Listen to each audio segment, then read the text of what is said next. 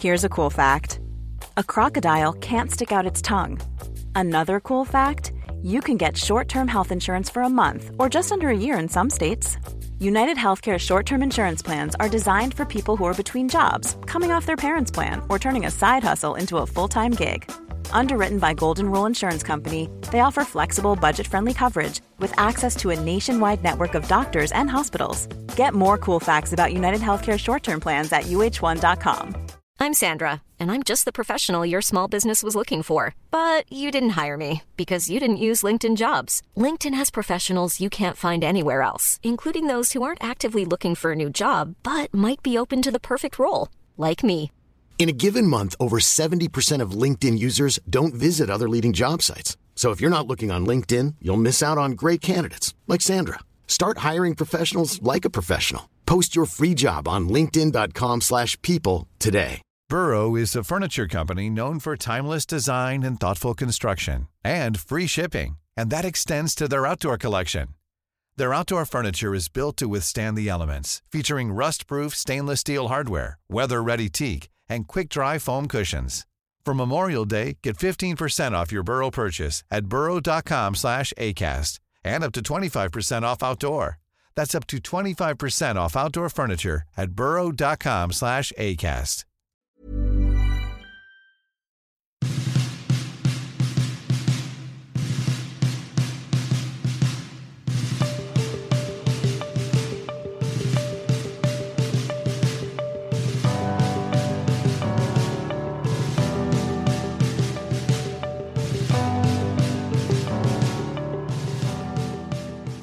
Vissa låtar tar emot att lyssna på i olika perioder i livet, trots att man tycker de är fantastiska. Och idag ska vi prata om en sån låt. Ehm, jag har försökt sätta fingret på varför den skapar ett obehag. Den väcker smärtsamma minnen, absolut. Hur kunde jag tro att det skulle bli vi och att det skulle hålla? Det var ju galet egentligen. Man tänker på hur pinsam man själv har varit i sin kärlek och hur otroligt oattraktivt det måste ha varit. Det beteendet, det här hjälplösa beteendet man har emellanåt.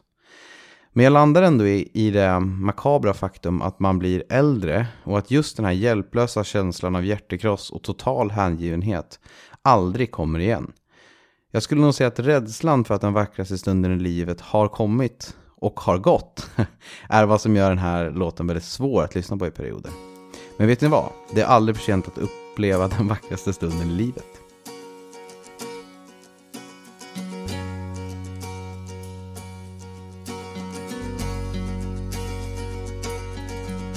Den vackraste stunden i livet var den när du kom. Och allt var förbjudet. Och allt som vi gjorde den stunden vill jag göra om sprekar det ekar i huvudet. Och det blod som jag trodde var stilla Det fick du att rinna. Den uppgivna röst som jag nyttjar så illa Fick du att försvinna.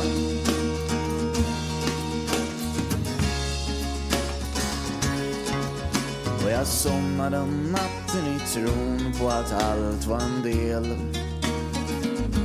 I en kärlekshistoria men det visade sig dagen därpå att jag hade gjort fel. När jag gav dig en gloria. Och den stund som jag kände som nära var blott Alvedon. Och de himmelska ben som jag ville förtära de gick därifrån.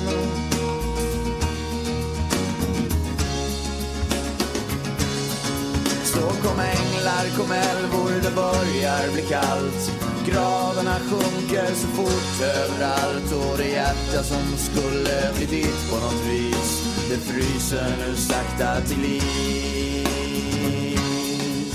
Och du somnade natten så vaken och drömde om allt Som vi kunnat göra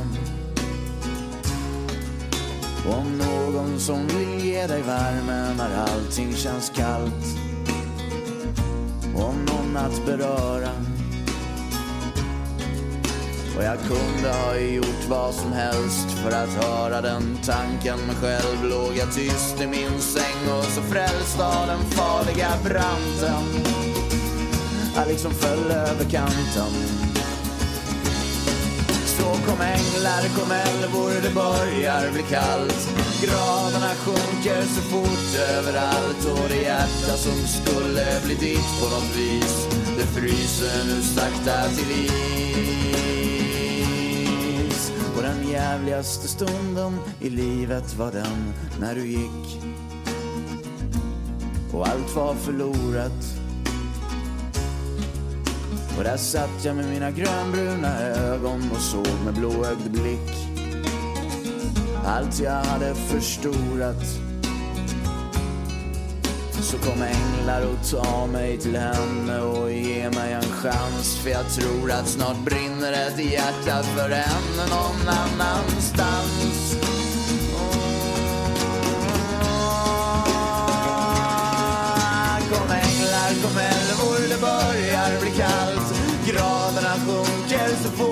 Överallt och det hjärta som skulle bli ditt på något vis. Det fryser nu sakta till is. Kom änglar, kom älvor, det börjar bli kallt. Graderna sjunker så fort överallt och det hjärta som skulle bli ditt på något vis. Det fryser nu sakta till is.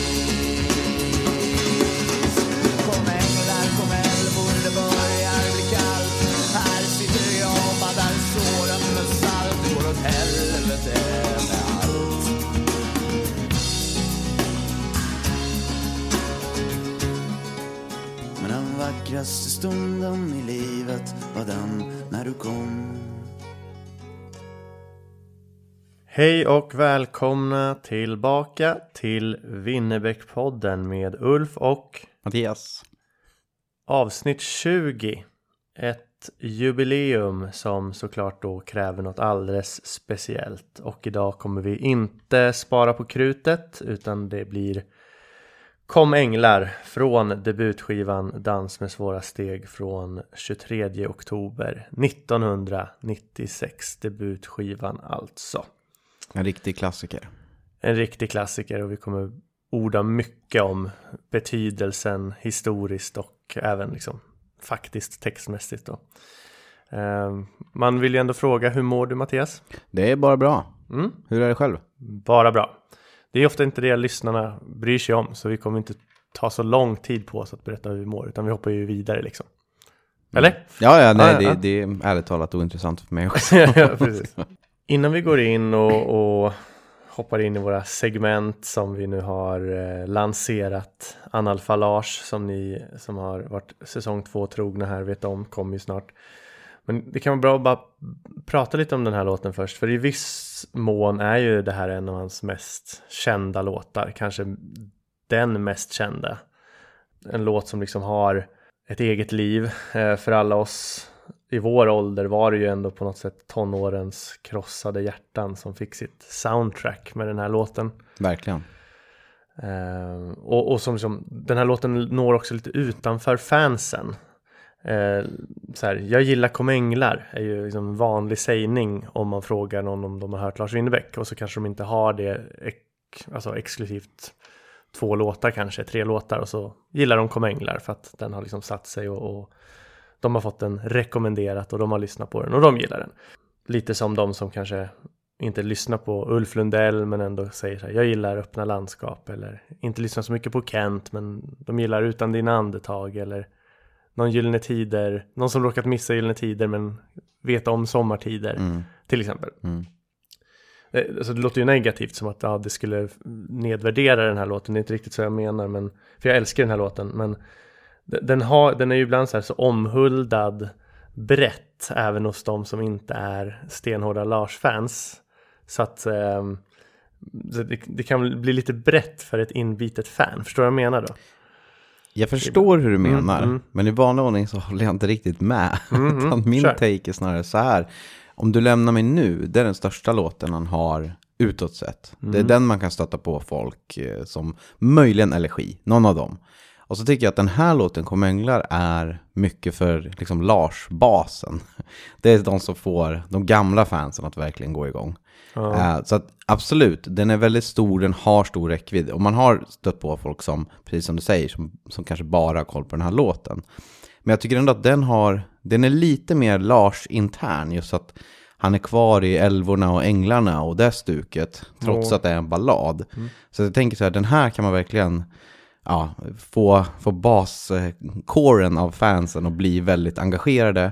Medan de här ännu större, Elegi och Om du lämnar mig nu, är mer för den stora massan skulle jag tänka. Mm, ja, jag håller med dig lite men ändå tycker jag att den här ska läggas in i samma folla. Och att det är väldigt många som kanske har hört två, lås, två, låtar av, två låtar av Lars och det här är liksom en av dem och den har de liksom typ, ja men jag gillar Kom Änglar. Att, ja, jag, jag tycker mig ha observerat det. Och det ska inte sägas som något negativt men det är nästan lite som där, bara, bara nu när jag tänker på det att vi, vi lyssnade ju på den här tillsammans nu innan vi började snacka.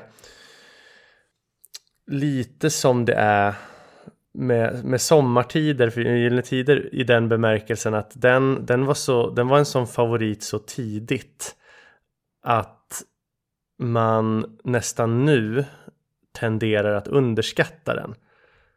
Att så här, sommartider, nej men den har man gått vidare ifrån. Och så typ kanske man ändå ger den en chans att lyssna på den lite mer fokuserat någon gång. Bara, men fan, det här är ju en hit. Eh, och lite så kan jag känna ibland med den här. Det här var en sån favorit i början.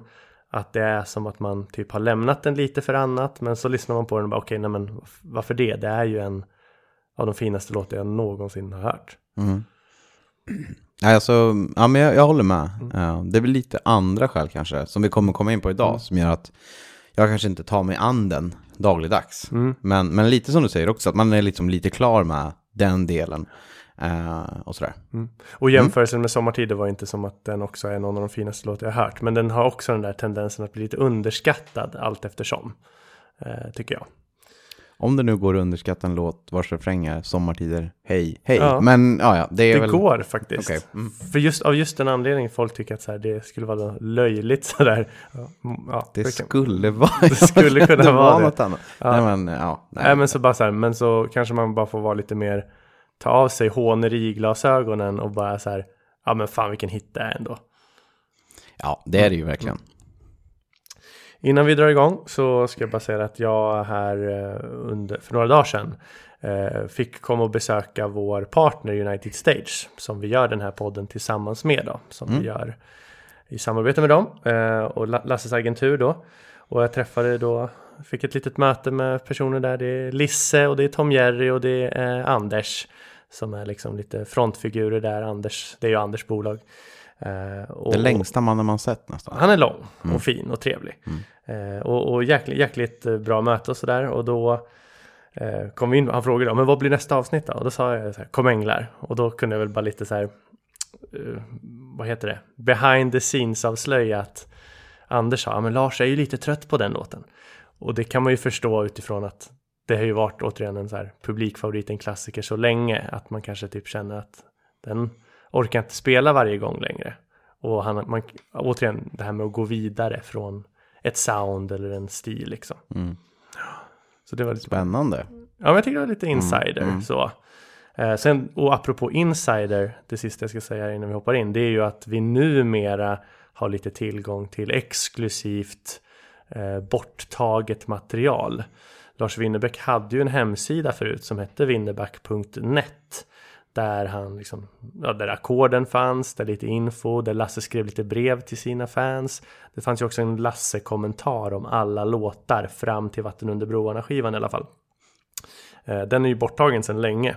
Men nu fick jag lite så här tillgång till baksidan av den hemsidan. Så jag kan liksom läsa mig in på allting där. Så det kommer man kunna dela med sig av lite snyggt här framåt.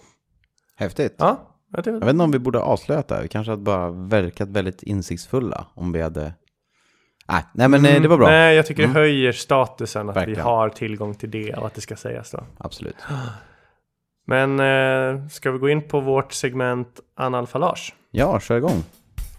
Förklara den här låten för en analfalage.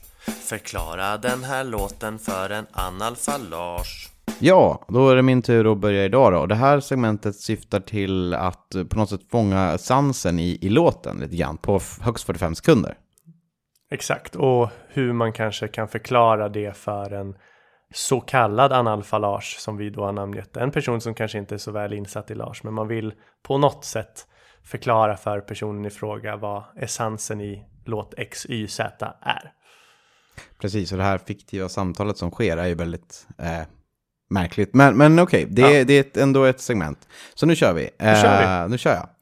Ja, men den här låten är hans största ballad och möjligen den låt som fått flest personer att känna mest för hans musik ändå. Det kanske inte är den kändaste eller bästa, även om det typ är den kändaste och typ den bästa.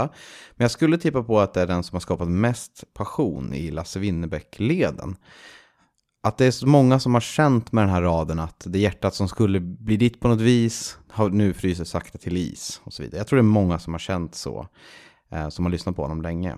Om Springsteen har The River, Coldplay har Fix Me, har Lars Winnerbäck Kom Änglar. Och jag tycker ändå att det är den starkaste låten i den trion. Tack för det. Då kör jag Ulf då, min analfalage 45. Kom änglar är en kärlekslåt i tappningen av en kronologisk beskrivning av ett förhållande. Från den vackraste starten till det jävligaste slutet och genom drömmar, förhoppningar, tvekan och missförstånd. En låt som fick mig och många med mig att under tonåren och med gråt i halsen skrika Fan, det är ju exakt så här det känns.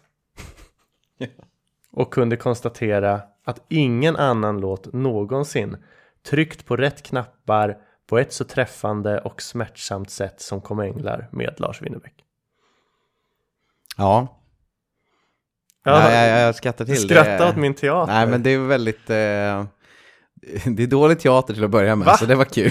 Tyckte typ att på Men- riktigt var det typ en, en jättebra skådisinsats. Känns som jag kollar på det där eh, eh, andra långgatan. Jag fattade att det skulle komma till Andra Avenyn. Andra Avenyn. Andra Avenyn Åh, för eh, unga och gamla lyssnare kanske är, var ju en SVT-serie som gick 2007.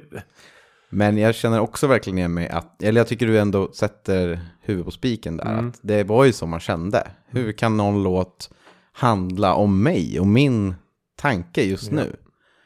Eh, ja, allt det där. Att man har varit så dum, att man har varit så lycklig, att man har känt sig så lurad. Liksom så här, man liksom föll över kanten. Jag vet inte Mm. hur det är liksom, hur, hur eh, det kan ju kännas så. Det kan ju liksom närmast, det kan ju nästan verka suicidalt där. Men jag tror inte riktigt det är det som avses. Men man kan ju känna rent tankemässigt att det var så mycket på spel. Att man kunde falla över kanten så att säga. Ja. Ja. Och falla över kanten är väl som att tappa kontroll. Ja, jag hoppas jag det. Ja, det, det är det, väl är ingen- väl så de flesta hoppas jag har tolkat det, och Mm. även jag. Men ja, Ja. det, nej, det finns ju mycket där. Alltså den känslobomb som man ändå är i de här eh, tonåren som, eh, ja, som irrationellt nog tror att låten liksom handlar om en själv. Ja, och, och det är väl det som är en styrka i en låt eller styrka hos en låtskrivare att kunna få det att samtidigt kännas typ allmängiltigt. Mm. Den här kan träffa många och samtidigt är den personlig. Ja, ja det är Eh. faktiskt, ja. Ja, och, och det, här kändes det som att vi var ganska överens om att liksom det är ju en förhållande skildring. Jag berättade och för sig lite mer om handlingen, du kanske mer om dess betydelse i världsalltet. Ja, Så. precis. Men jag, jag var enig med det du sa i alla fall. Mm. Ja, men jag håller helt med din punkt, dina punkter också. Och mitt skådespel. Verkligen. Ska också komma ihåg att det var ju Andra Avenyn Alicia Vikander började skådespela. Gillar hon Kom Änglar tror du? Det gör hon säkert. Ja. Jag vill bara säga att ja, håna henne, håna mig. Så får vi se vart du hamnar. Okej. Ja, ja.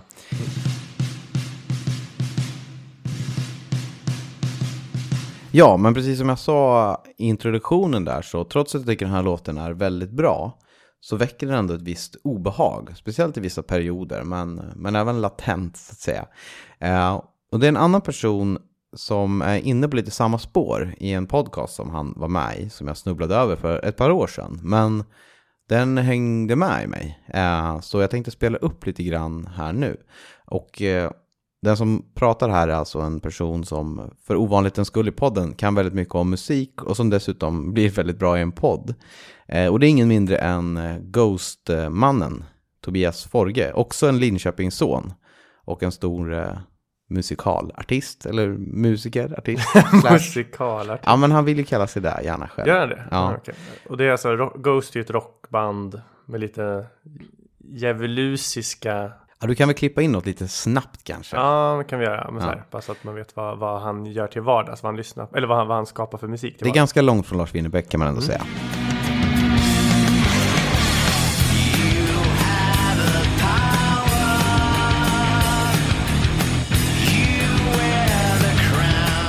Men eh, så här låt, lät det i Värvet 2018. Delvis har jag hört den några gånger när jag har varit i liksom, den här jobbiga situationen när man är lite nydumpad. Och även om jag har hört den några gånger när jag inte varit nydumpad så har den, speciellt eftersom den då utspelar, den är ju på svenska. Det är han, liksom, vilket gör att det känns väldigt nära. Och han är ju så nära i, i språk och, och liksom, i upplevelser sådär. Så att den är jävligt svårt att höra. Utan att liksom känna ett, nästan ett obehag eftersom den, man, man vet att det liksom... Plus att jag, jag tänker liksom på min brorsa och sånt där när jag hör den också för att jag vet att han var i en sån situation och du vet. Och så jag kommer ihåg någon gång när de spelade en, jag tror det var Anna Elisa Ekdahl som sjöng den med honom. Och det var liksom bara overload. För innehållet är så otroligt träffande för någon som har blivit dumpad. Liksom, när det är kört. Och man vet liksom att nu är det bara... Om det inte sker just nu så är det liksom bara en tidsfråga innan hon är med någon annan. Liksom. Och då är jag helt passé. Då är det kört. Då är det verkligen kört. Och sådär. Och sådana låtar får, får mig verkligen berörd. Kom änglar, kom älvor, det börjar bli kallt Graderna sjunker så fort överallt Och det hjärta som skulle bli ditt på något vis Det fryser sakta till liv Ja, eh, och det är framförallt eh, tre saker jag tänker på när jag hör det här nu. När jag hörde om det. Jag, jag minns ju att jag hade hört det här någonstans. Jag var tvungen att lyssna om avsnittet och sådär. Men det första jag tänker på är att jag tycker han har väldigt rätt. Eller liksom, han beskriver det väldigt bra. Kanske bättre än vad jag lyckades få fram i början här också. Eh, med ett obehag och man kopplar det till någonting även fast man tycker låten är väldigt stark. Och man specifikt kanske har minnen av livespelningen eller sådär. Man tycker den är väldigt bra. Eh, det andra jag tänker på är att det känns som att Forge är ett jävla geni. Eh, jag ska, alltså jag rekommenderar verkligen att, eh, folk ska lyssna på det här avsnittet. Han är väldigt intressant som person. Ehm, och ehm, kan väldigt mycket mer om musik än gemene man. Och det är inte, men han kan förklara på ett sätt som så roligt att lyssna på. Och när han säger något så fint om något som ligger oss nära hjärtat så blir man också stolt. Ju. Ja, men verkligen. Alltså, ja, och det är väl också lite där. Okej, båda är från Linköping och sådär, men på något sätt känns det ändå som att det är två, han kommer från en helt annan värld liksom. På något vis. Och är ändå en av de kanske största banden i sin genre i, i nuläget liksom. Absolut. Så, att, så att det är lite häftigt. Och det tredje är väl liksom att, eh, ja, ge värvet en chans. Jag vet inte vad han gör nu för tiden, men liksom, ge den podd, glöm inte bort den podden. Den finns också där ute. Eh, han är också väldigt bra. Vem är det som har värvet? Är det Triumf? Precis. Ja, han gymmar ju på mitt gym. Ja, du ser. Mm. Han brukar ha värvet-tröja på sig. Han Ja. lätt att känna igen. det känns ju... Ja, det känns ju sådär. Ja, men lite stöddigt. Eller vad är det? Ja. Lite, vad heter det? Vilket ord är det jag söker? Nej, det vet jag inte. Det känns ju... Det är inte triumfatoriskt, Ha. vilket hade varit kul. Men nej, det känns väl... Eh, Ja, men när man tar sig själv på lite stort allvar eller man hyllar sig själv. Lite humble braggets liksom. ja, precis. Som- Men det känns ju som att han gör det liksom eh, lite ironiskt. Men det blir ändå humble braggigt Ja. på något vis. Ja. Eh, men i alla fall, eh, han, är, han är väldigt bra på att intervjua och det här blir en väldigt bra intervju. Så de tänker man på, men kanske framförallt är att det är rätt han har och att eh, ja, han sätter fingret på någonting som han har känt kring den här låten. Som jag verkligen håller med i. Men, men det behöver inte du göra. Så vad, vad tänker du om det han säger? Ja, men jag, tyckte jätte, jag tyckte det var fint det han sa och att han faktiskt också kanske underströk det här att det inte bara den här smärtande jävliga när det tar slut. För det är faktiskt en del av smärtan såklart, men det är inte allt. När det tar slut så mår man dåligt, men det är nästan som att min upplevelse är så här, det har gjort ännu ondare när vederbörande, alltså tjejen i fråga som kanske har dumpat mig då, träffar någon ny. Och jag liksom ser det på, ja men alltifrån på stan till på någon sociala mediekanal. Att så här, det har alltid gjort minst lika ont. Och när det väl har hänt, då är det som att okej okay, nu är det kört, som ju Forge sa. Mm. Eh, nu, nu har jag inte någon chans att så här, eventuellt komma tillbaka, för nu har hon gått vidare på så pass att hon har en ny som liksom får henne att må bra och skratta och ha kul och ja men fysiskt allt. Alltså där, det har ju smärtat minst lika mycket i alla fall för mig. Mm. Ja, det har, jag, har inte, jag har aldrig riktigt varit där faktiskt. Jag tycker mm. det är lika hemskt. Um, men, men jag, vad jag förstår så är det en vanlig sak. Mm. Men eh, jag har nog mer tänkt att just det här ovissheten och när det väl tar slut, det är det som verkligen krossar den. Liksom. Um, och ja, det är det som gör att den är svår att lyssna på eh, i delar. Men också kanske någonting mörkare som den här låten väcker i en kring det här försvunna. Och jag tycker det är intressant att han nämner sin bror. Han har ju haft ett sommarprat innan mm. där han pratar mycket om sin bror som ju har gått bort vid det här tillfället. Eh, och han var en väldigt stor eh, förebild för honom i uppväxten och hela delen sådär. Så att när han nämner honom i den här kontexten så tänker jag, ja absolut, han kanske tänker på något förhållande hans brorsa hade då där det var så här och kopplat till det här. Men jag tror också till alltså saknaden av honom också. Att det på något mm. sätt väver sig in i den här låten för att den är så stark. Käns- Extra tungt. Ja men den är så stark känslomässigt så det är lite svårt att säga så, ja visst starka relationsminnen absolut, men kanske starka minnen generellt mm. vävs in i den här. För att det på något sätt jag tycker han fångar det bra, att han blir så himla nära. Att det är på svenska, ja det kanske är något. Alltså jag har ju aldrig riktigt känt så här för en engelsk låt. Man kan inte riktigt komma så nära dem. Ja, det håller jag med om. Jag tycker ju att det blir alltid närmre med sitt eget språk på något sätt i en låt. Och sen är det ju svårare att balansera på svenska för att det inte ska bli kladdigt och sådär. Mm. Och det är ju väldigt, vi pratar ju om det, har ju pratat om det i tidigare avsnitt, men just Kom Änglar tycker jag är otroligt bra. Ja. Och då ska man tänka att det är änglar med här, det är älvor, det är liksom brantar, det, det, är iskallt och det fryser till is. Det är en, alltså det, det en 21-årig Lars också. Ja, men ja, det är liksom Ja, han, han må ha tröttnat på den nu, men liksom helvete var... Han måste vara nöjd med ja, det här det verket. måste man ändå vara. För att det finns så många delar här där det verkligen skulle kunna ha kört i diket sådär. Men som man inte gör det. Eller som det nästan... Ja, det är lite så här, det här borde ju inte funka, kan man tycka. Um, men ja, så kanske det är så. Man, man kanske bara är så att man hörde den precis rätt tid i livet och sådär. Och, och det gör att den är fantastisk. Men jag vet inte. Mm.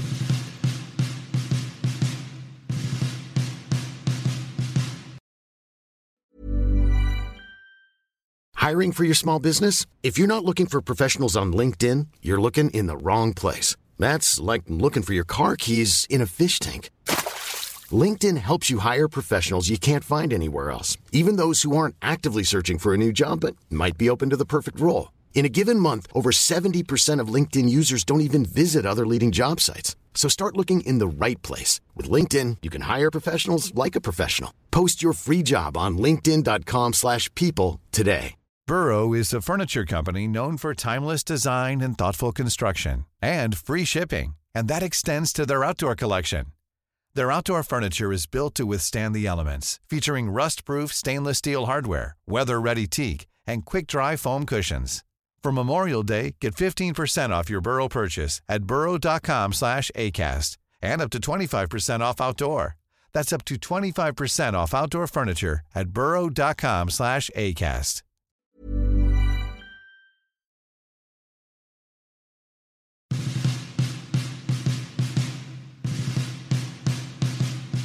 Och vi sa ju det i början, eller jag sa det i min analfalage-prata där på 45 sekunder, att det liksom blev lite som ett soundtrack till ens krossade tonårskärlek. Och därför ska jag dra min sådan. Eh, jag, jag har ju en sån upplevelse och det kan vara lite svårt i en podcast att kanske få med eh, känsla och sådär från lyssnare som inte känner mig och inte vet vilken tjej jag pratar om. Men jag ska väl ändå göra ett försök här och, och berätta så här. Det här var Kom Änglar kärleken för mig som innehåller de här delarna jag tycker liksom låten ändå beskriver. Alltså kronologiskt från start till mål. Och då var det då eh, den här Johanna från Grebo som jag pratade om i senaste avsnittet Tvivel. Hon som visade mig mycket med Lars Winnerbäck. Men den här låten kopplat till vårt förhållande är verkligen max på allt. Alltså jag grät och jag grät och jag grät. Eh, så nu tänkte jag att jag ska berätta sagan om henne. Vi började skriva på chattforumet humla.com någon gång 2003. Då var jag 14 år. Och jag bodde i Nyköping, hon bodde i Grebo utanför Linköping. Men som det var då, man liksom hittade någon eh, som man bara började chatta med och så gick allt väldigt fort och man började liksom få känslor för varandra.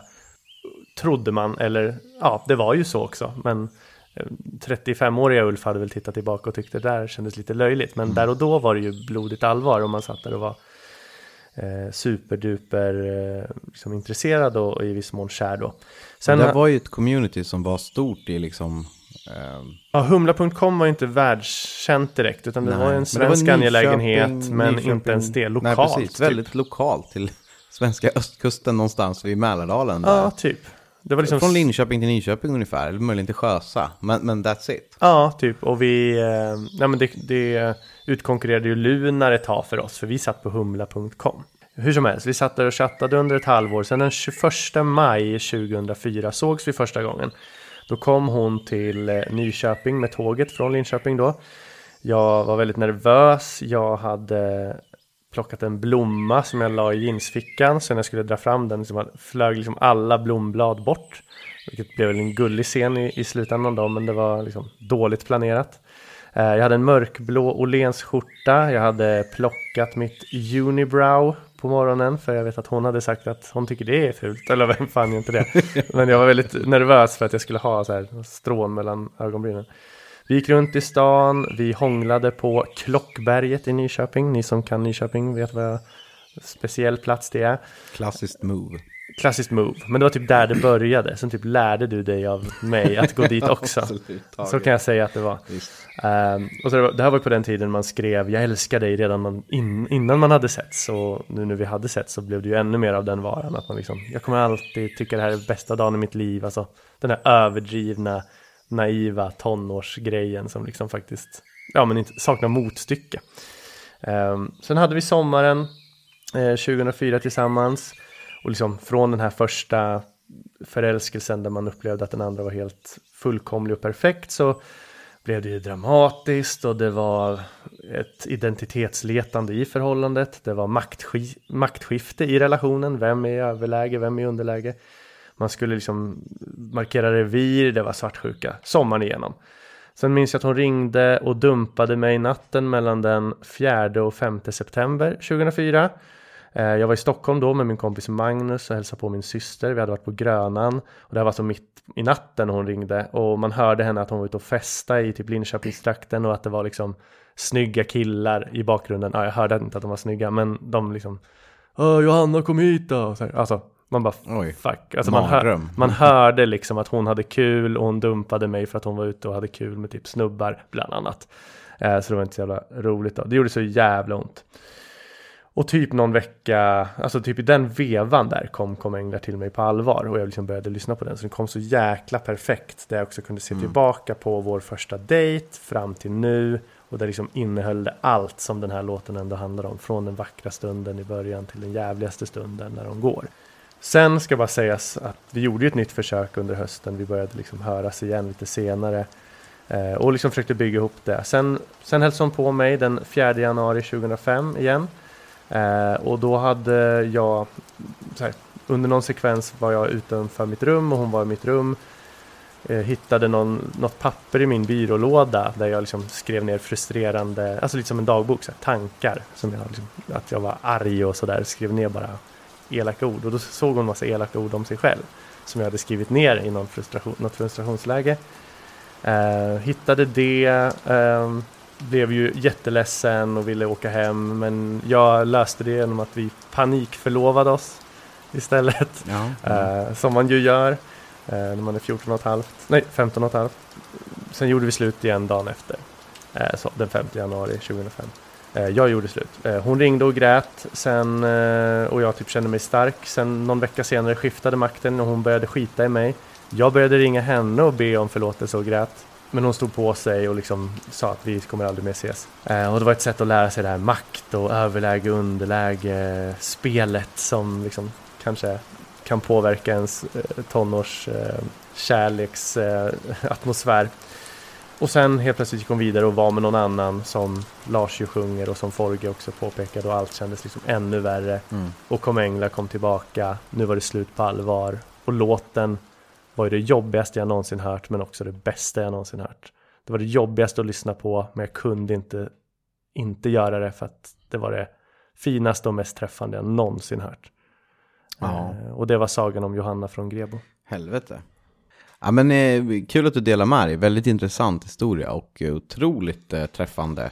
Uh, det låter ju väldigt specifikt liksom att det kan vara på det här sättet. Men det är ju säkert många som har något liknande där ute också. Om det är någon som lyssnar och känner igen sig. Skulle jag inte bli helt förvånad ändå. Um, men uh, ja, intressant att höra. Verkligen. Det, det är ju också det här att det är jobbigt att lyssna på om man ändå vill göra det kanske då. Ja, för jag tycker Kom Änglar-låten även innehåller det här, även under de goda tiderna i början av låten så finns det som någon slags oro att det kan ta slut liksom. Ja men det är det som är min absoluta favoritrad i den här låten. Att, alltså den första. Alltså den vackraste stunden i livet var den nu kom. Mm. Det vet, alltså det är ju över redan där. Ja, Alltså fröet är redan planterat ja, för undergången. För att man vet att bättre än så här blir det inte. nej, Det blir aldrig bättre än din söndersmulade blomma där, första träffen. nej. Det blir aldrig så.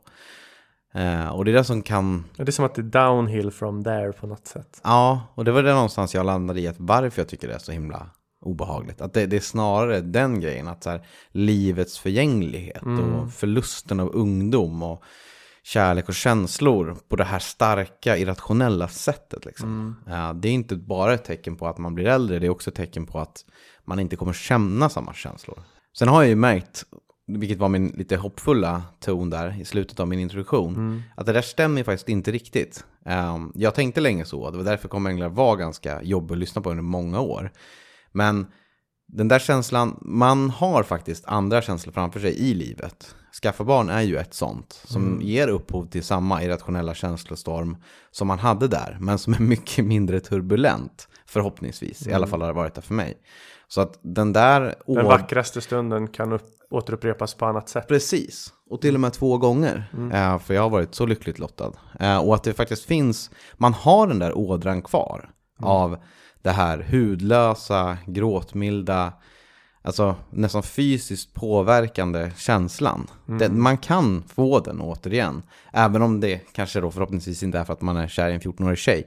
Eh, så, så går det att Men nu hade det varit, Ja, det, det hade varit jätte... allt annat än lämpligt. Jag menar det, precis. Så att, så att, men Den det går verkligen. Den olämpligaste stunden i livet. Ja, verkligen.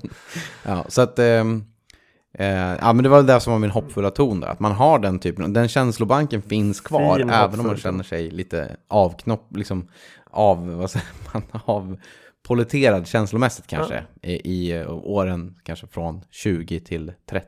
Jättefint. Och så kommer ju dagen kanske när det blir barnbarn också. Då kanske du upplever det igen på något Ja. så här lyckorusvis liksom. Kanske man är där igen ja. Men du har ingen motsvarande saga så att säga då, alltså som Johanna från Grebo för mig. Eh, som liksom det här är tjejen i den här låten för mig. Nej, nej men Nej. in- ingen alls som är precis som du. Utan det, det är mer ett, eh, den här låten för mig är mer ett eh, tillstånd då. Och eh, kanske en personlighet som jag inte vill vara igen. Men som är den här dumma, överromantiska, eh, oattraktiva personen som är lite för klängig och lite för känslorna utanpå för ens egen, för en egen, ens egen och allas bästa liksom. Och det, det, det är lite av det jag drar här också, att som, som du är inne på, att det här var ju ett sätt för mig i alla fall, eh, den, det här förhållandet med Johanna då, att lära mig the hard way, att eller så här, den som är för klängig och, och desperat i tonen och, och hela tiden måste säga att jag, jag älskar dig, lämna mig inte va. Alltså den går ju ofta förlorande ut för att det blir ganska liksom, det, det är som svaghet man utstrålar i det kan ju den andra personen uppleva att så här, man lärde sig lite the hard way i det här förhållandet som fick en att liksom känna ännu mer med den här låten. Mm. Ja, men det håller jag med om helt och hållet. Det är också att det är inte bara det att det är spelet mot den andra, det är också spelet mot sig själv. Att så här, Ska jag ha de här uttömmande bråken med flickvänner för att sen liksom alltså göra det dag, Mm. efter dag efter dag för att liksom rädda något som kanske i sig inte är så mycket värt att rädda liksom i slutändan. Ja. Det, det är där man också lär sig the hard way liksom. Ja. Och där är ju den här låten viktig också i det där, för att den här Mm. låten är ju, det finns ju delar av, av hoppfullhet, hoppfullhet i den, Mm. men att det alltid, det slutar alltid på det här sättet liksom. Ja. Alltså det är ju, ge mig en chans och så vidare. Men, Mm. men det ska man ju inte ha, eller det, här, det, det Nej. blir ju inte bättre av det, även om man Nej. försöker. Det lär man sig också liksom någonstans. Och sådana upplevelser härdar en ju. Och det tror jag liksom har hänt mig. Jag har ju blivit sämre på att släppa in folk på livet för att jag har liksom varit lite för naken och, och känslomässigt ärlig med folk. Och så har det gått åt helvete och jag har blivit sårad. Och så kanske liksom den hårda huden som skapas av det har liksom föranlett så som jag typ funkar Mm. lite idag. Var Mm. ganska svår med anknytning och sådär. Men du är ganska långt från en kom- komänglar-person idag kanske då? Ja, på, ur den aspekten Mm. ja. Ja, precis.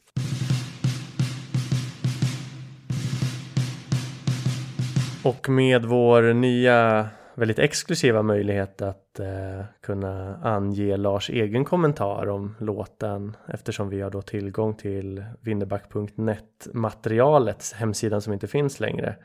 Så eh, Lars egen kommentar om den här, alltså från den tiden då, det här är ju många, nu, över 20 år sedan, gammal kommentar. Så skrev han så här. Det här är en låt som beskriver förhållandet i fråga ganska bra. Vers för vers. Det var så här det kändes. Helt enkelt. Jag undrade lite smått när jag skrev den om man verkligen får göra en sån här simpel melodi. Det är klart man får. Okej, ja. ja. men det håller jag ju med om. Ja, och ja. Det är Lars kommentar. Mm. Eh, så kan man ju säga att det är så han har sagt det. Så det är ju liksom ord som inte är från oss. Jag kommer ihåg att jag hörde den här första gången, alltså min första livespelning var 2004 när han var, gjorde en, en eh, akustisk eh, turné. Eh, var jag på den här med en kompis som heter David och då spelade han den sist, en klassisk sista låt. När du och jag var på Lars första gången tillsammans var det i Finspång 2005 och då började han med den här låten. Mm. Att jag klev ut själv innan bandet kom ut liksom så drog han den här lite solo först. Mm.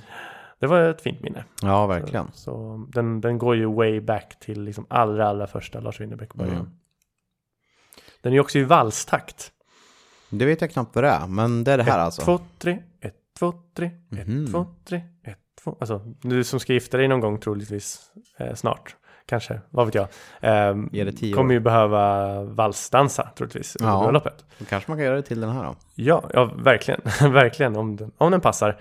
Ehm, så när, när jag väl började lära mig spela gitarr, kommer jag ihåg den här var lite klurigare att lära sig än, än många andra. Jag började med Söndermarken som var väldigt lätt att lära sig. Ja, Medan okej. det här med att hålla högerhanden i lite valstakt på gitarren var lite svårare. Ja, okej. Eh, så, så, men det är lite uppiggande med en liten valstaktslåt. Ja, just det. Men hur är den att sjunga då? Du som antagligen har kört den här live på många dejter och sånt där. Oj, oj, oj, den, den går bra. Det är enkelt. Ja. Mm. Den, eh, hittar du rätt tonart bara. Mm. Det kan du justera med capo som du vet. Det hade jag ingen aning om. Men eh, okej. Mm. Ja. Ja, men vi har väl sagt det att det här är liksom en av Lars största låtar, en låt med eget liv. Den går långt vida hans liksom tajta fankrets. Den är väldigt omtyckt av Mm. den tajta fankretsen, men det är ändå så här, den är också lite allmän egendom. Många Mm. där ute har Mm. hört den och liksom fallit för den och gillar den. Och det är ju en superlåt Mm. som, ja men som vi har sagt, mer än många andra låtar lyckas träffa rätt och vara smärtsam att lyssna på. Smärtsam på det där sättet som man ändå ja, uppskattar inom citationstecken. Mm. Att fan vad ont det gör och fan vad bra den är för att den gör så ont. Mm. Och liksom många smarta textrader i den. Mm. Att det liksom, det visar sig dagen därpå att jag gjorde fel. när Jag gav det en gloria. Alltså det är också så här otroligt bra och sant. Mm. Precis som man har känt. Att man bara i något moment inser man att vad fan, det här är ju inte världens mest per- perfekta person. Nej. Som jag har satt all min tillit till. Och när man inser det, då är det liksom kanske kört redan där. Eller man förstår, man vill inte förstå, men man förstår att det är kört. Man brukar ju jobba lite självbedrägeri där, att man slår undan de tankarna när det Mm. börjar visa sig att det här inte är perfekt. Eh, Precis. ja. Och det finns ju många exempel ur den här texten som, som är precis sådär. Alltså väldigt spot on. Och, Mm. Eh, även om ja, det är en enkel melodi som går i valstakt då, Mm. som vi har hört här så uh, det, det lyckas ju packa in mycket material ändå här. Mm.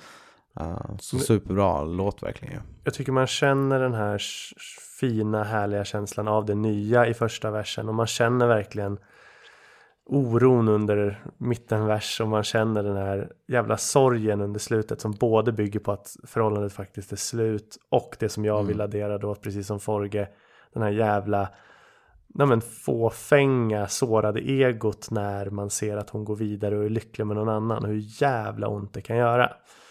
Det tycker jag. Ja, jag tycker att den täcker in liksom alla stadier av de här känslorna. Ja. Ja men den här desperata mittendelen där tycker jag brukar ofta vara så otroligt bra live. Där med de himmelska ben som jag ville förtära gick därifrån och sen upp sådär. Och sen pang på. Alltså det är ju väldigt, det är ju alltid väldigt, väldigt bra. Ja, och jag skulle säga att det här, det här är en låt där jag, verserna betyder mycket mer för mig än att scrolla med i refrängen. Är ja ju- men precis, ju den refräng- kommer ju, den kommer ju där som ett brev på posten. Men det är ju de himmelska benen och förtära är ju ännu bättre Ja. än refrängdelen. Versdelen, både melodisynpunkt och textsynpunkt tycker jag. Så det är de som slår mig stenhårt i bröstkorgen och får mig att känna någonting. Sen är refrängen liksom bra att scrolla med i, men det är verserna som tycker jag. Ja, jag Ja. håller med. Mm. Ja, är vi klara med Kom Änglar? Ja men det kanske man aldrig riktigt är. Men det här var ett försök från oss och, Mm. och det kanske blir en eh, Kom Änglar del två då om vi vill ha ett ännu längre avsnitt. Ja, visst. Någon annan gång. Om ni känner att vi inte hann med allting. Men eh, det här är vårt första försök i alla fall. Ja, ja men eh, vi nöjer oss där för idag då. Eh, tack så mycket Mattias. Tack Ulf. Tack för lyssnarna för att ni har hängt med oss. Vi hörs om en vecka. Hej då. Hej.